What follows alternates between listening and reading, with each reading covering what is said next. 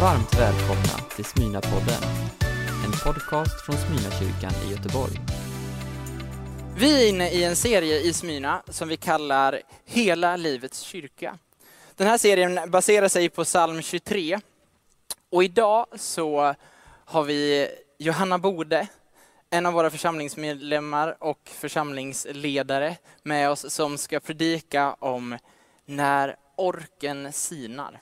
Jag tror att det här kommer bli superviktigt, så liksom vässa öronen, det här kommer bli bra.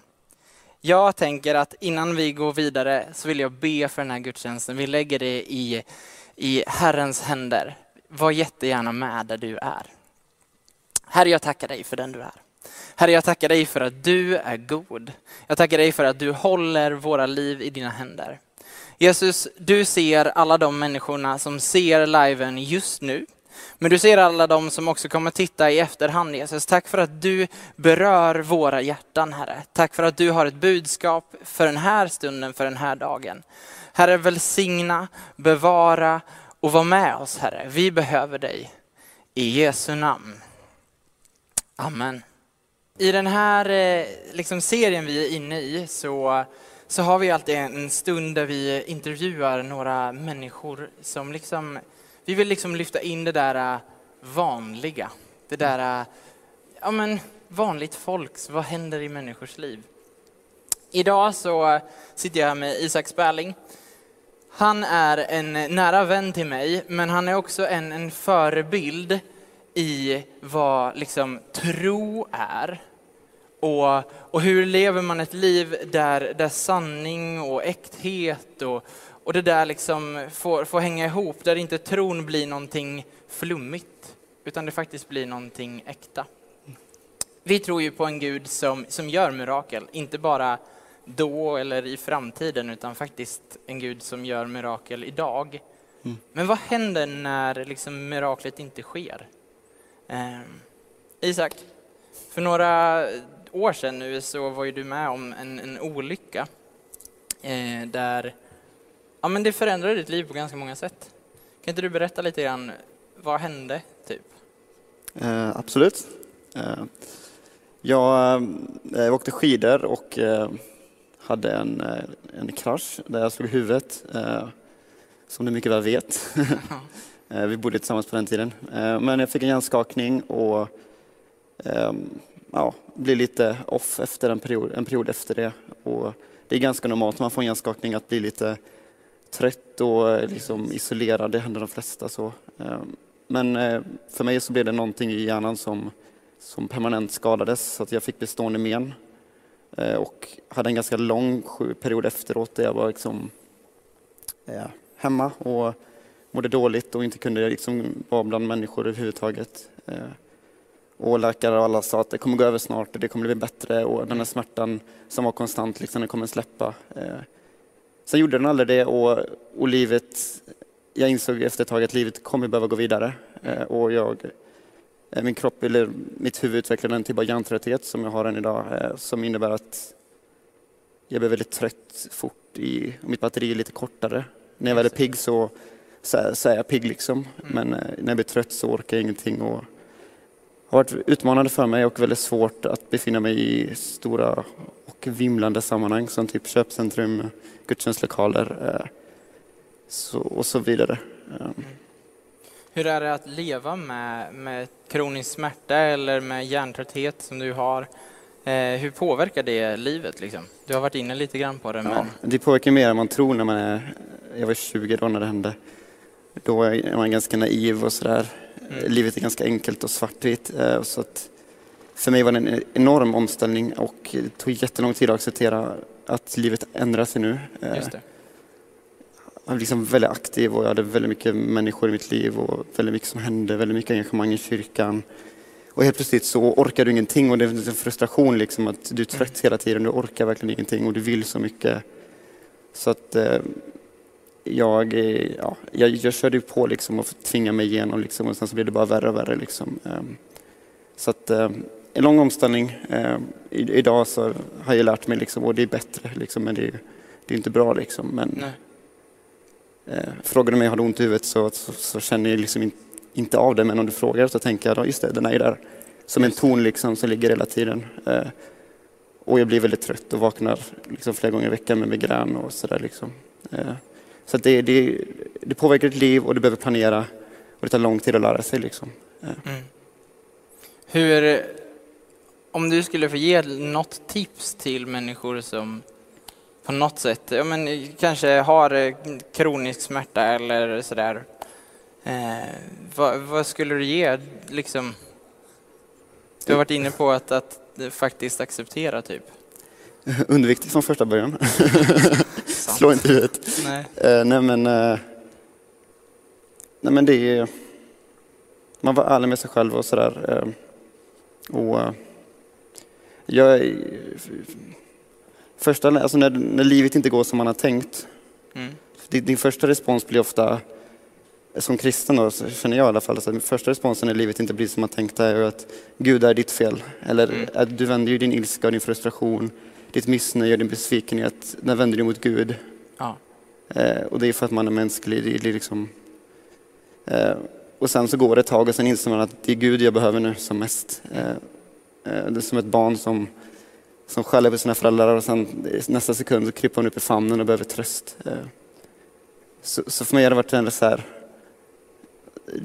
det är väldigt mycket frustration liksom och, och liksom väldigt mycket, jag har debatterat otroligt mycket med Gud och liksom brottats med Gud och så här, Gud vad, varför, varför, varför kan inte jag bli hel som andra människor blir? Varför kan mm. inte jag få se att mitt liv blir bättre? Liksom, och varför måste jag ha, och jag har liksom ett handikapp liksom som är väldigt osynligt, det är väldigt, ja. Eh, väldigt svårt för andra människor att förstå eftersom det syns inte liksom. Eh, Nej. Så att, eh, men sen så har jag lärt mig att man har insett efter ett tag, alltså du, du, är arg och frustrerad och sen så när, när du tystnar och slappnar av så, så är Gud kvar i vakuumet där och, och så mm. inser man att Gud jag behöver verkligen dig för att jag orkar inte utan dig. Jag måste få, jag måste ha dig. Ja. Eh, alltså det, I vår svaghet så behöver vi honom som mest eh, ja. och det har jag verkligen fått uppleva. Eh, det är en nåd att mitt hjärta inte är bittert. Det är nåd att, ja. att, att Gud fortfarande står vid min sida. Eh, och det, ja, det, jag ångrar inget som har hänt utan jag har kommit närmare Gud. Och... Mm. Precis, precis som jag började säga så, så ser jag väldigt upp till dig i, i den äktheten som har, har liksom, din tro har blivit någonting som, men som inte upplevs sådär ytligt eller sådär med, med skimrande kanter, utan det är någonting som är äkta. Um, men det finns ju också ett väldigt hopp. Jag, jag upplever ju dig som en väldigt hoppfull människa. Hur, hur är det liksom, du har redan varit inne i, i lite där att mm. Gud, eh, Gud blir den utvägen. Men, men, kan du inte berätta lite mer hur, hur resan har varit i tro för dig? Det började som den här brinnande galna, galenpannan som bara sprang runt på stan och berättade om Jesus för allt du såg och eh, nu eh, så är du här med en liten begränsning. Typ. Hur? Ja. Jag är fortfarande galenpanna men, eh, absolut. och brinnande. Men, men absolut, ja. Alltså det, för mig liksom, som 20-åring som jag var då, eh, livet är ganska okomplicerat. Eh, du har en ganska tydlig bild av hur verkligheten ser ut. Och, och sen så krockar allting och du behöver ställa om och, inse att det finns en annan, det, verkligheten blir inte alltid som vi vill. Eh, och livet blir inte alltid som man önskar. Eh, det är en, en omställning som jag behövt anpassa mig efter. Eh, och ja, det har man ju gjort. Mm. Det var, var frågan. Ja. Hur, eh, ja men lite så här, hur, hur hopp, hoppfullheten som du ändå bär om om livet. Det är ju, man, man tänker att det skulle kunna bli liksom total lockdown, mm. total, mm. nu, nu orkar jag inte det här, men, men det, är ju, det, finns, det finns ju hopp och glöd i din blick mm. när du pratar om Jesus. Det är för att han fortfarande finns i mitt liv. Det släpper, alltså jag har fått möta Jesus innan och jag är frälst och jag har ju det med mig. Ja. Hade jag inte haft Gud så hade livet varit jobbigt. Och det är jobbigt, alltså det är dagar som är jobbiga. Men, men när livet, när orken tryter, alltså när det, när det tar slut, så, vet, så även om jag är arg på Gud, även om, om liksom, jag ibland var Gud är ditt fel, Mm. så är han ändå där och jag kan inte frångå det faktum att, att Gud är fortfarande Gud i mitt liv. Och jag har historia tillsammans med Gud som jag inte kan ifrågasätta. Mm. Jag vet att han finns där, även om, även om det frustrerar mig ibland. Ja. Eh, Även om det liksom är jobbigt så är det så här, han är fortfarande där. Och, och jag vet att och hans nåd, den, den för mig framåt. Mm. Eh, Så det är nog det som föder hopp. Ja. Och sen så, jag menar det, de här sista fyra åren i mitt liv är de, liksom de åren jag kommit så nära Gud liksom, Mm. som jag inte gjort förut. Min Häftigt. tro har fått prövas på ett helt nytt sätt. Eh, Du tvingas att ställa frågor till dig själv, du tvingas och du kommer inför liksom stunder där din tro verkligen ställs på sin spets. Ja. Och den prövas i eld på ett sätt. Och ja, om du fortsätter välja Gud så, så blir tron mycket djupare. Ja. Mm. Ja, du sa när vi liksom pratade innan här att, att du har fått en hel typ av verklig, verktygslåda där du kan förstå människor, förstå det där, liksom eh, knyta an till människor som ändå går igenom tuffa si- situationer. Ja, lite kanske, men Ja. eh, absolut. Eh, det tror jag. Eller så här, om, innan, så, alltså innan den här perioden så kanske jag var lite mer så här, ja men eh, jag förstod inte riktigt varför folk var bittra till exempel. Nej. Jag kunde inte förstå hur en människa kan vara bitter, liksom. du har ett perfekt liv liksom. Ja. Men jag har en helt annan förståelse nu. Jag förstår att, att det finns omständigheter som gör att, Mm. som bryter ner människor. Och jag vet att det enda som har hjälpt mig det är Gud. Och det är ju också någonting som, som är ett vittnesbörd. Eh, Mm. Gud håller, han lämnar inte, han står fortfarande kvar. Eh, Alltså livet på den här sidan av evigheten kan innebära hur mycket fantastiska mirakler och under som helst, men det finns inga löften om ett perfekt liv. Vi lever i en fallen värld, vi lever i det brustna. Och, Mm. och, men det kommer ju någonting bättre sen. Eh, Och det, men också att Gud står kvar, liksom. det är de sista orden i Bibeln. Liksom. Mm. Att han är med oss alla dagar. Ja. Tack Isak. Ehm, det är ju som... ehm, ja, men alltså det, här, det här slår ju an ett, ett svårt ämne. Smärta, Gud, stor, st, hur Guds liksom stora kraft och godhet och vår litenhet och smärta. Det finns inte alltid ett jättetydligt svar, men vi kan veta att Gud går med, precis som du eh, med hela ditt liv gestaltar på något sätt. Så tack för det, det vittnesbördet. Det uppmuntrar mig så ofta. Tack. Har du varit med på Pärlorna någon gång? De flesta av er har nog inte det och många av er vet inte ens vad det är, men det ska jag berätta. Det är nämligen söndagsskoleklassen för våra yngsta barn här i kyrkan, för de som är 1 till 4 år. Och eh, i varje Smyna Guld, som vi kallar det, så, eh, som har varit digitalt det senaste halvåret, så i slutet på samlingen där så ber hon som håller i samlingen om Guds välsignelse över alla barnen. Och hon ber för ett i taget och nämner dem vid namn. Gud välsigne Eliam, Gud välsigne Lias. Jag älskar när hon ber om Guds välsignelse över mina barn och de andra såklart. Eh, men sen så ber hon också, när hon har bett för alla barnen, så ber hon, och Gud välsigne alla mammor och pappor som kämpar på i vardagen. Och jag tycker att det där, det är så vackert. Att hon ber om Guds välsignelse, Guds välsignelse, Guds kraft och Guds liv rakt in i vardagen. Rakt in i kampen och glädjen som vardagen ofta är. För livet är ju ibland nattsvart. Och ibland så är det så när som på bara ljust och härligt. Men de flesta dagar så är det faktiskt en ganska bra blandning av just glädje och kamp. Men mitt inne i den här, äh, in, in i den här vardagen full av glädje och kamp så kommer Jesus till oss och han vill hjälpa oss när orken sinar. För några år sedan så eh, jobbade jag som ungdomspastor och jag hade glädjen att få köra hem några tonårsgrabbar i min bil ifrån Nyhemsveckan. En kristen festival, konferens utanför Mullsjö.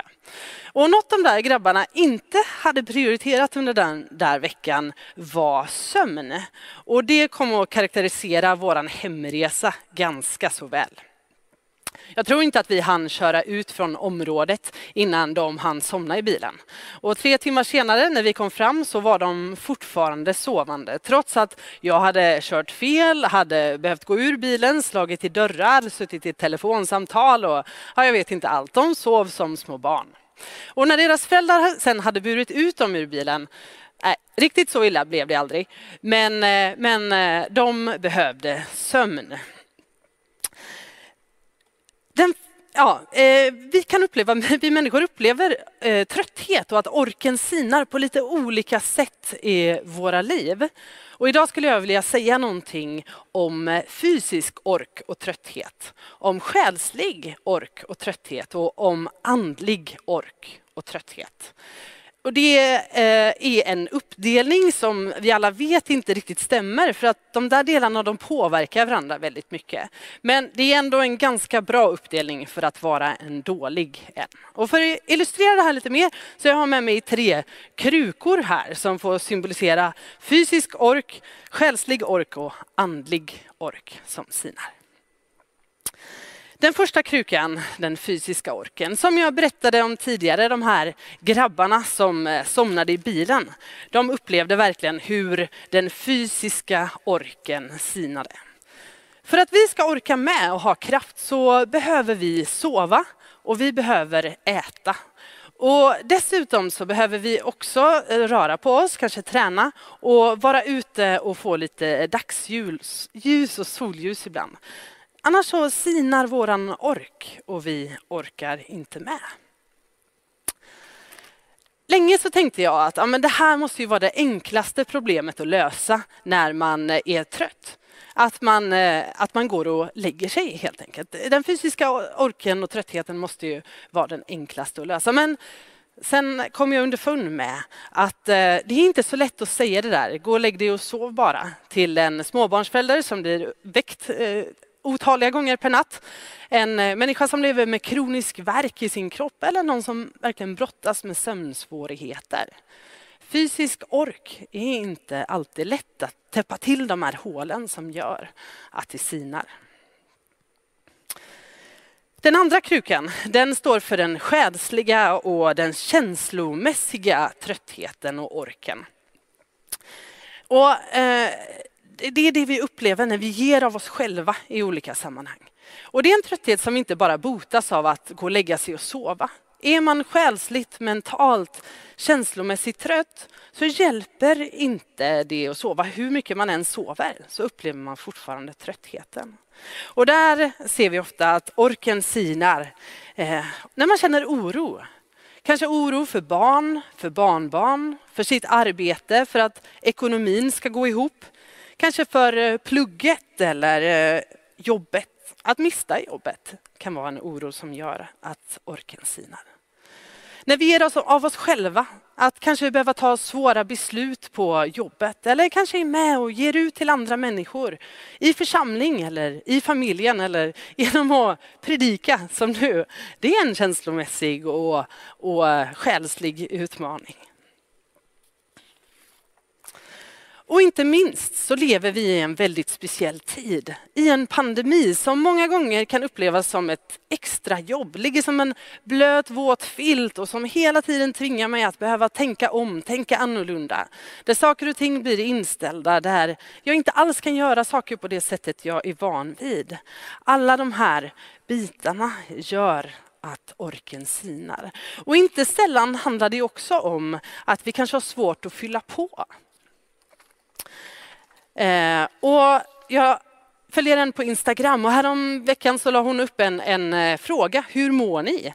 Och så var det en som svarade att eh, jag har inte rört en annan människa på sju månader. Den här pandemin gör någonting med oss som gör att det kan ibland bli svårt att fylla på som vi brukar.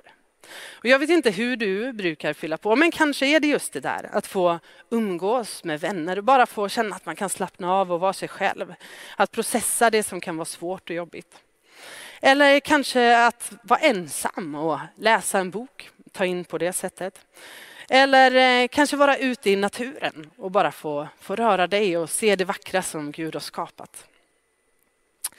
Den tredje krukan handlar om andlig ork och trötthet.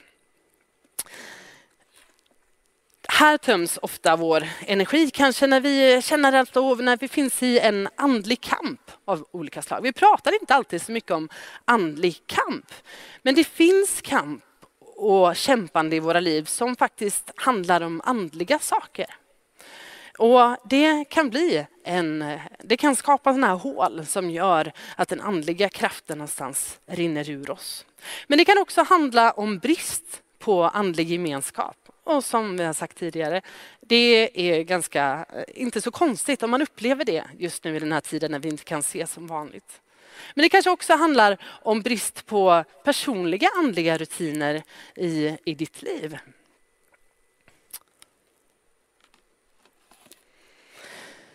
Andlig eh, trötthet kan också handla om att du kanske inte än har tagit emot Jesus i ditt liv.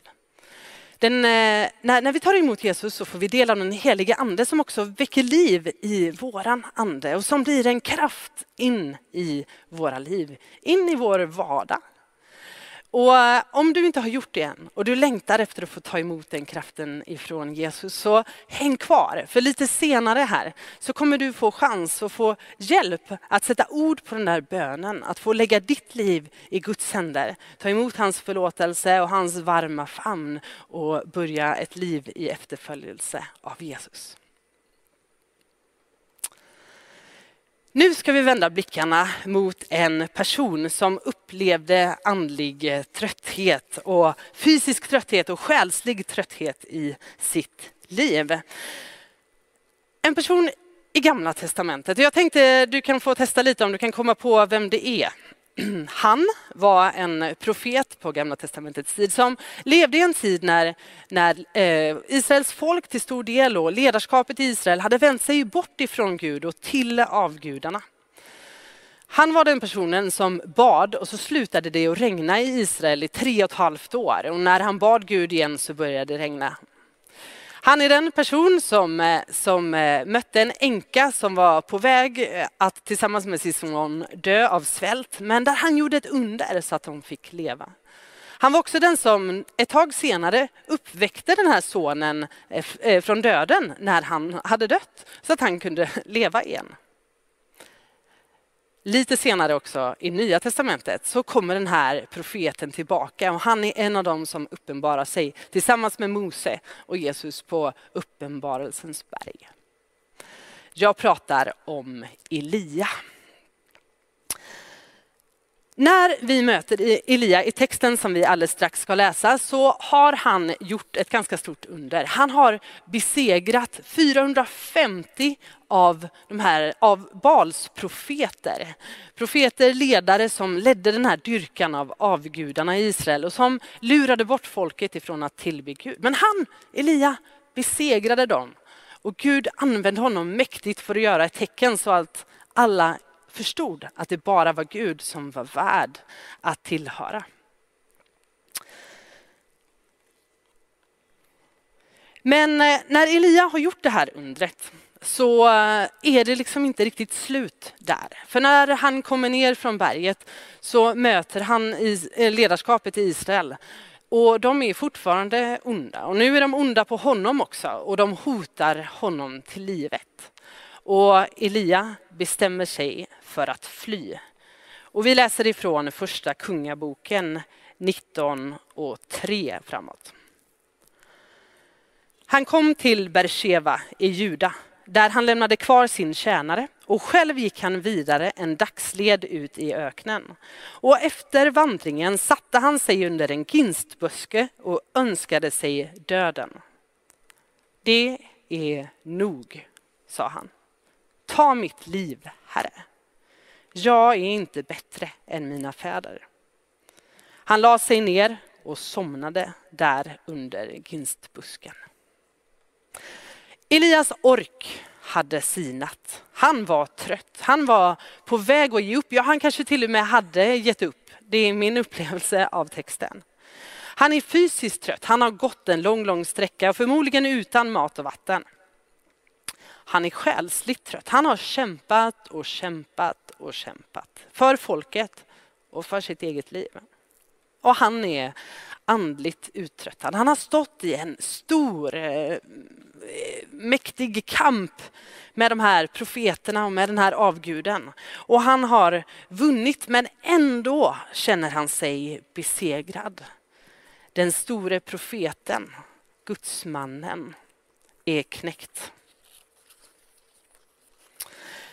Vi fortsätter att eh, läsa texten. Det står så här. Då kom en eh, ängel och rörde vid honom och sa Stig upp och ät. Och när Elias steg upp så fick han se en glödkaka och ett krus med vatten vid huvudgärden. Och han åt och drack och la sig att somna igen. Elia, han är, han är trött. Men Gud kommer till honom. Gud kommer till honom med kraft. Gud kommer och han rör vid honom. Jag vet inte om det är, om det, är det som Elia tänker, men det han gör är att han rör sig mot Gud.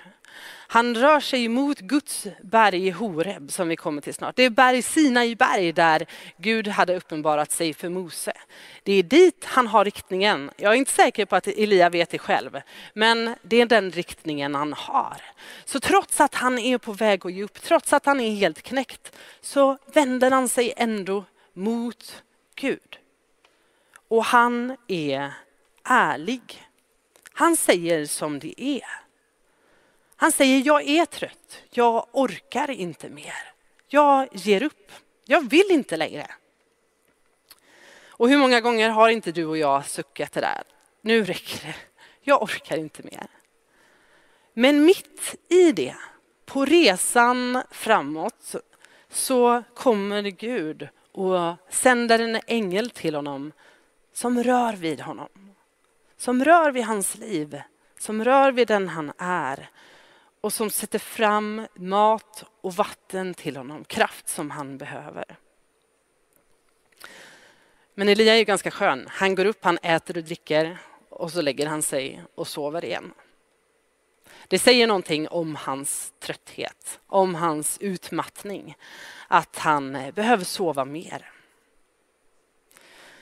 Texten, berättelsen fortsätter. Herrens ängel kom en andra gång och rörde vid honom. Stig upp och ät, sa han. Annars orkar du inte hela vägen. Elias steg upp och åt och drack och måltiden gav honom kraft att gå i 40 dagar och 40 nätter ända till Guds berg Horeb. Och när han kom fram gick han in i en grotta och stannade där över natten.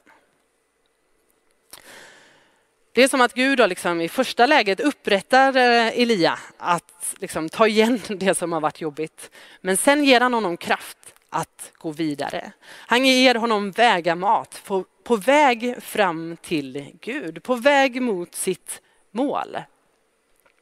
Och jag kan inte låta bli att tänka att det någonstans liknar nattvarden. När vi stannar upp och får ta emot av Jesus bröd och vin som liksom en matsäck på vägen i vår vardag. Elia, han reser sig upp.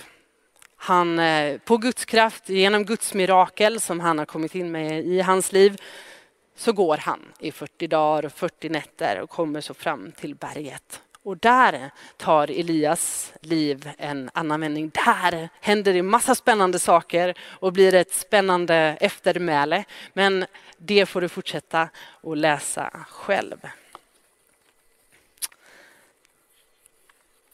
Vad har då Elias liv med ditt, din och min vardag att göra?